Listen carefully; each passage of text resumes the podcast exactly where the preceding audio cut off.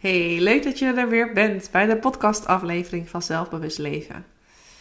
Ik wil je in deze podcastaflevering meenemen naar een verhaal van mijzelf en ook uh, iets waar jij zelf wat mee kan natuurlijk. Um, en dat gaat over het luisteren naar je lichaam.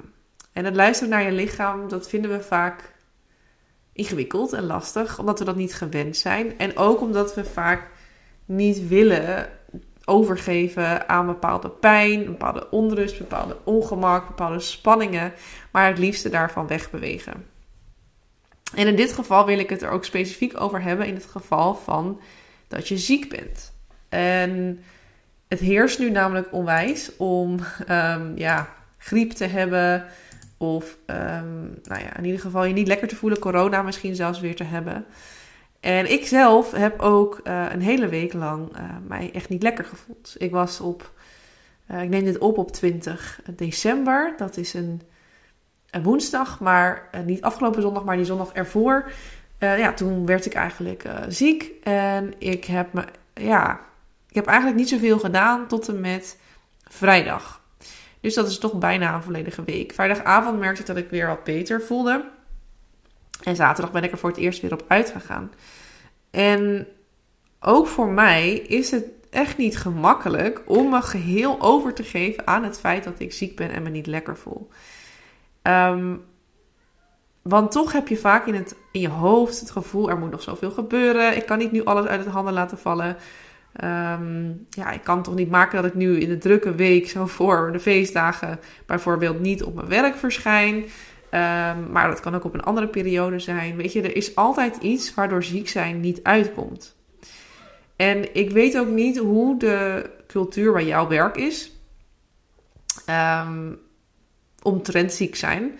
Want ik vind wel dat er eigenlijk niet goed mee wordt omgegaan op heel veel werkplekken. Want ik weet nog bij mijn loondienstbaan, niet de vorige, maar die daarvoor daar werd gewoon gezegd: neem maar twee extra paracetamol en ga gewoon door met werken. En dat was in een periode dat corona volledig rond uh, dwarrelde. Ik, ik werkte in een verpleeghuis en mijn leidinggevende zei dit tegen mij. Dus ik vond dat echt bizar. En ik was het er ook allesbehalve mee eens. Want in mijn mening is het heel erg belangrijk om te luisteren naar jouw lichaam. Jouw lichaam is jouw grootste raadgever jouw lichaam is eigenlijk in die zin een soort van jouw beste vriend. Want die weet heel erg goed wat jij nodig hebt in dat moment.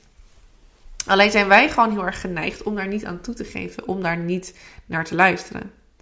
En dat wordt dus ook best wel heel erg aangemoedigd in onze maatschappij. Je moet altijd aanwezig zijn, altijd aanstaan, altijd paraat staan om allerlei dingen te doen. Op je werk, als jij je ziek meldt, ja, dan kan je de bonus wel vergeten. Of bij mijn werk was het bijvoorbeeld de eerste dag dat jij ziek bent, krijg je niet betaald. Dat is natuurlijk niet heel erg stimulerend om jezelf ziek te melden. Dan is er al snel dat je denkt, ja, dan ga ik nog wel even door. Of dan meld ik me niet ziek en dan doe ik thuis wel wat ik nog kan of zo. En dat vind ik eigenlijk, ja, dat vind ik wel echt heel erg schadelijk dat mensen dit zo instellen. Want ik denk, hè, het doel dat mensen dit instellen is dat mensen zich niet zomaar ziek gaan melden. Maar eigenlijk denk ik dat ze hier precies het tegenovergestelde mee in de hand werken. Dat mensen sneller ziek worden, omdat ze er steeds niet aan toegeven. En daardoor elke keer maar half op halve kracht dan kunnen werken. Vervolgens zich weer wat beter voelen. Maar hun weerstand is daardoor wel aangetast. En elke keer uh, hè, raak je gemakkelijker en sneller ziek als je er steeds maar niet aan toegeeft. Dat is in ieder geval hoe ik erover denk. Uh, dus denk dat het averechts werkt qua doel. Maar goed, dat even daar gelaten. Want ik vind het gewoon echt heel raar dat dat zo werkt. Um, dat heeft natuurlijk wel invloed op wat jij doet en hoe jij keuzes maakt. En als het bij jou op werk heel erg gebruikelijk is om je niet ziek te melden, maar gewoon door te werken, dan kan ik me voorstellen dat jij ook de druk voelt om dat te doen. En om niet um, ja, gewoon naar jouw lijf te luisteren en vrij te nemen. Of nou, vrij te nemen, dat klinkt alsof je een keuze hebt, maar eigenlijk heb je geen keuze op dat moment. Geeft jouw lichaam gewoon aan, jij hebt hier behoefte aan en dit heb jij nodig. Um, ja, dat is best wel lastig natuurlijk als je dat zo hebt in jouw werkomgeving.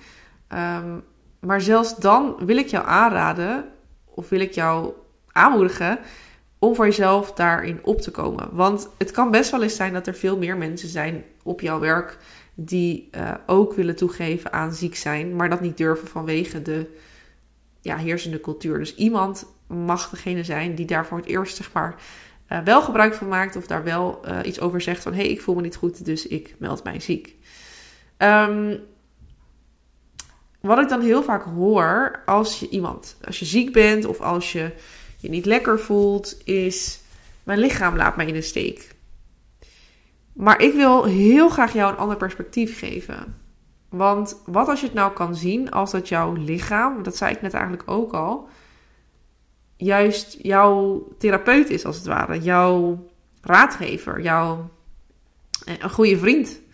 Omdat jouw lichaam eigenlijk als beste weet wat jij nodig hebt. En door er steeds niet mee samen te werken, maar juist tegenin te gaan, um, ja, heeft dat heel veel invloed op de relatie tussen jou en jezelf. Want je neemt jouzelf en jouw lichaam daarin dus niet serieus. En dat mag jij echt wel gaan doen. Want jouw lichaam laat niet voor niets eh, zien dat hij ziek is. Jouw lichaam geeft niet voor niets aan dat je hoofdpijn hebt. Dat je een onrustig gevoel hebt in je buik. Dat je spanning ervaart. Daar mag jij naar luisteren. Je mag daar wat mee doen. En elk signaal mag je natuurlijk weer op een andere manier interpreteren. Als jij hoofdpijn hebt, kan je daarover nadenken: oké, wat heb ik vandaag allemaal gedaan? Wat zou kunnen zorgen dat ik hoofdpijn heb? Dat kan bijvoorbeeld zijn dat je helemaal bent vergeten om te drinken vandaag. Of dat je al twee uur, drie uur lang naar een scherm zit te staren zonder een pauze te nemen. En dan is jouw lichaam degene die aan de bel trekt en zegt: Ho eens even, je mag even wat anders gaan doen. Je mag even gaan luisteren naar jezelf, naar je lichaam, wat je nodig hebt. Dus op het moment dat jij een signaal van pijn ervaart of een signaal van uh, spanning, is dat een signaal, een, een moment dat je even naar binnen mag keren en mag voelen: wat heb ik nu nodig? Of wat heeft er hiertoe geleid dat ik me zo voel? En wat heb ik nu nodig om mij wat beter te voelen? Want um, wat ik ook heel erg merk altijd wanneer we. Um, ja, wanneer we ons niet lekker voelen, dan willen we dat zo snel mogelijk oplossen. Dat is aan de ene kant. Of we willen er van wegblijven en we proberen dat weg te drukken. Dus er zijn twee acties die we vaak doen. Enerzijds afleiding zoeken, waardoor we er niet aan hoeven te, hoeven te overgeven. Um, en nou ben ik even vergeten wat ik als tweede zei. Um,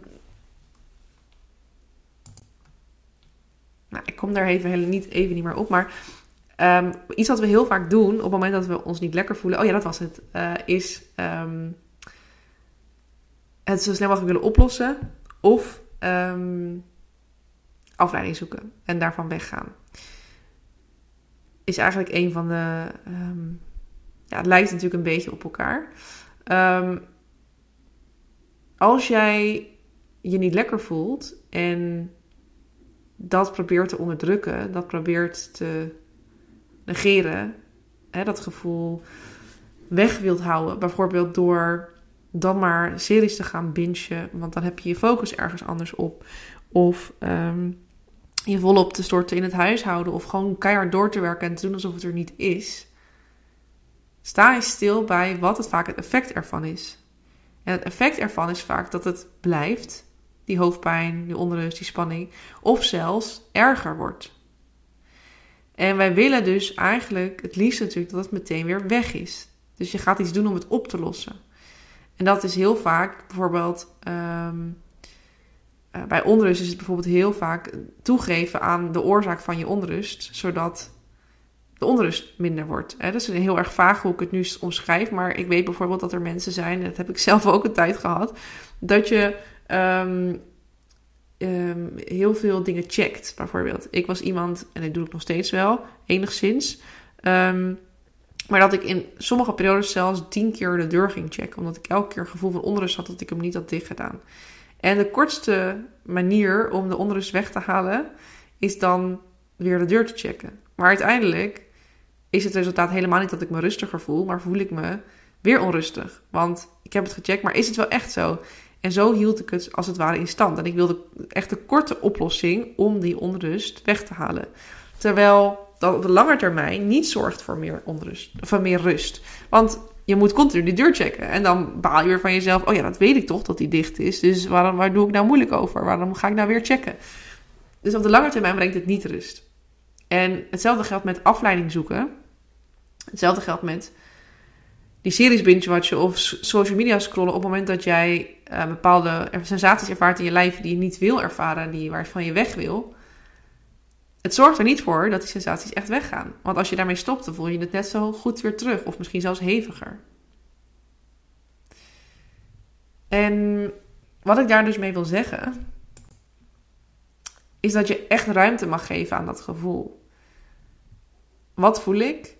Waar komt het door? Misschien. Misschien weet je dat, misschien weet je het niet. Soms is het ook niet duidelijk. Ik weet ook niet altijd waardoor ik verdrietig ben of waardoor ik ehm, ergens pijn ervaar. Dat is soms niet meteen duidelijk.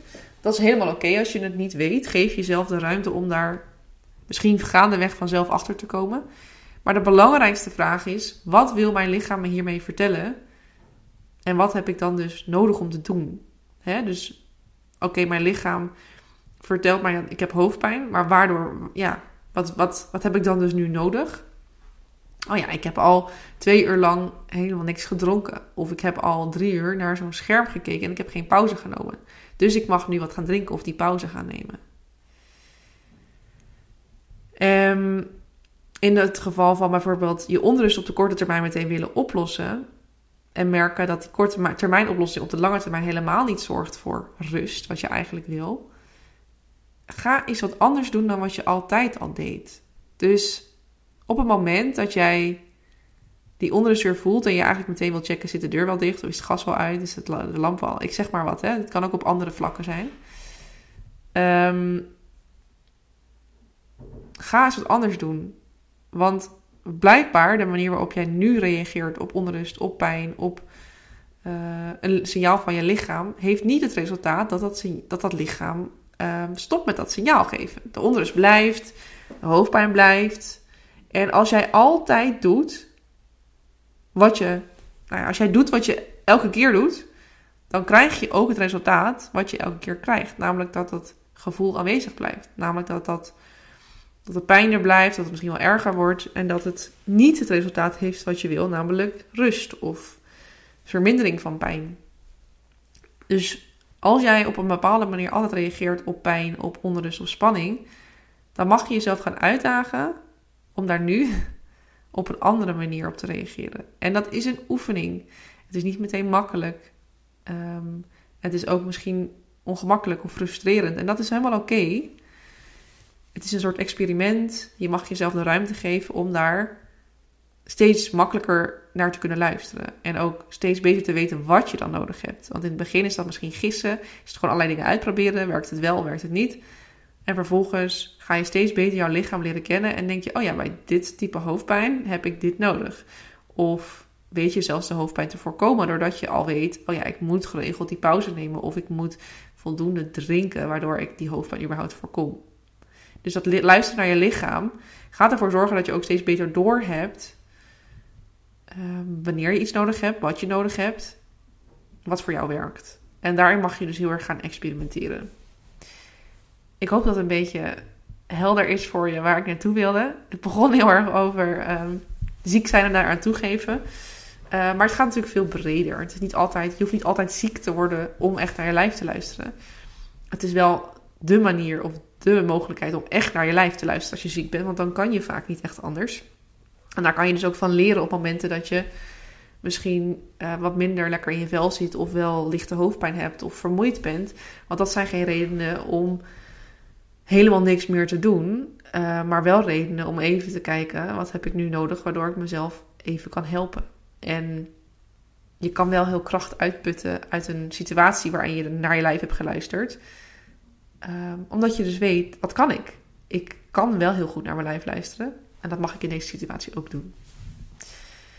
Alright, ik hoop dat je hier wat aan hebt. En als jij merkt, nou, ik vind het heel erg lastig of ik loop hier steeds tegenaan. En ik vind het fijn om daar eens even over van gedachten te wisselen. Stuur mij dan even een berichtje op Instagram of LinkedIn. Dat vind je ook in de show notes. En dan uh, denk ik heel graag even met je mee over jouw specifieke situatie. Hoe kan je nou meer naar je lichaam gaan luisteren? En daar, uh, ja, en daardoor je uh, beter voelen, meer in contact ook met je lichaam. En dan zie ik je heel graag ook weer bij de volgende podcastaflevering.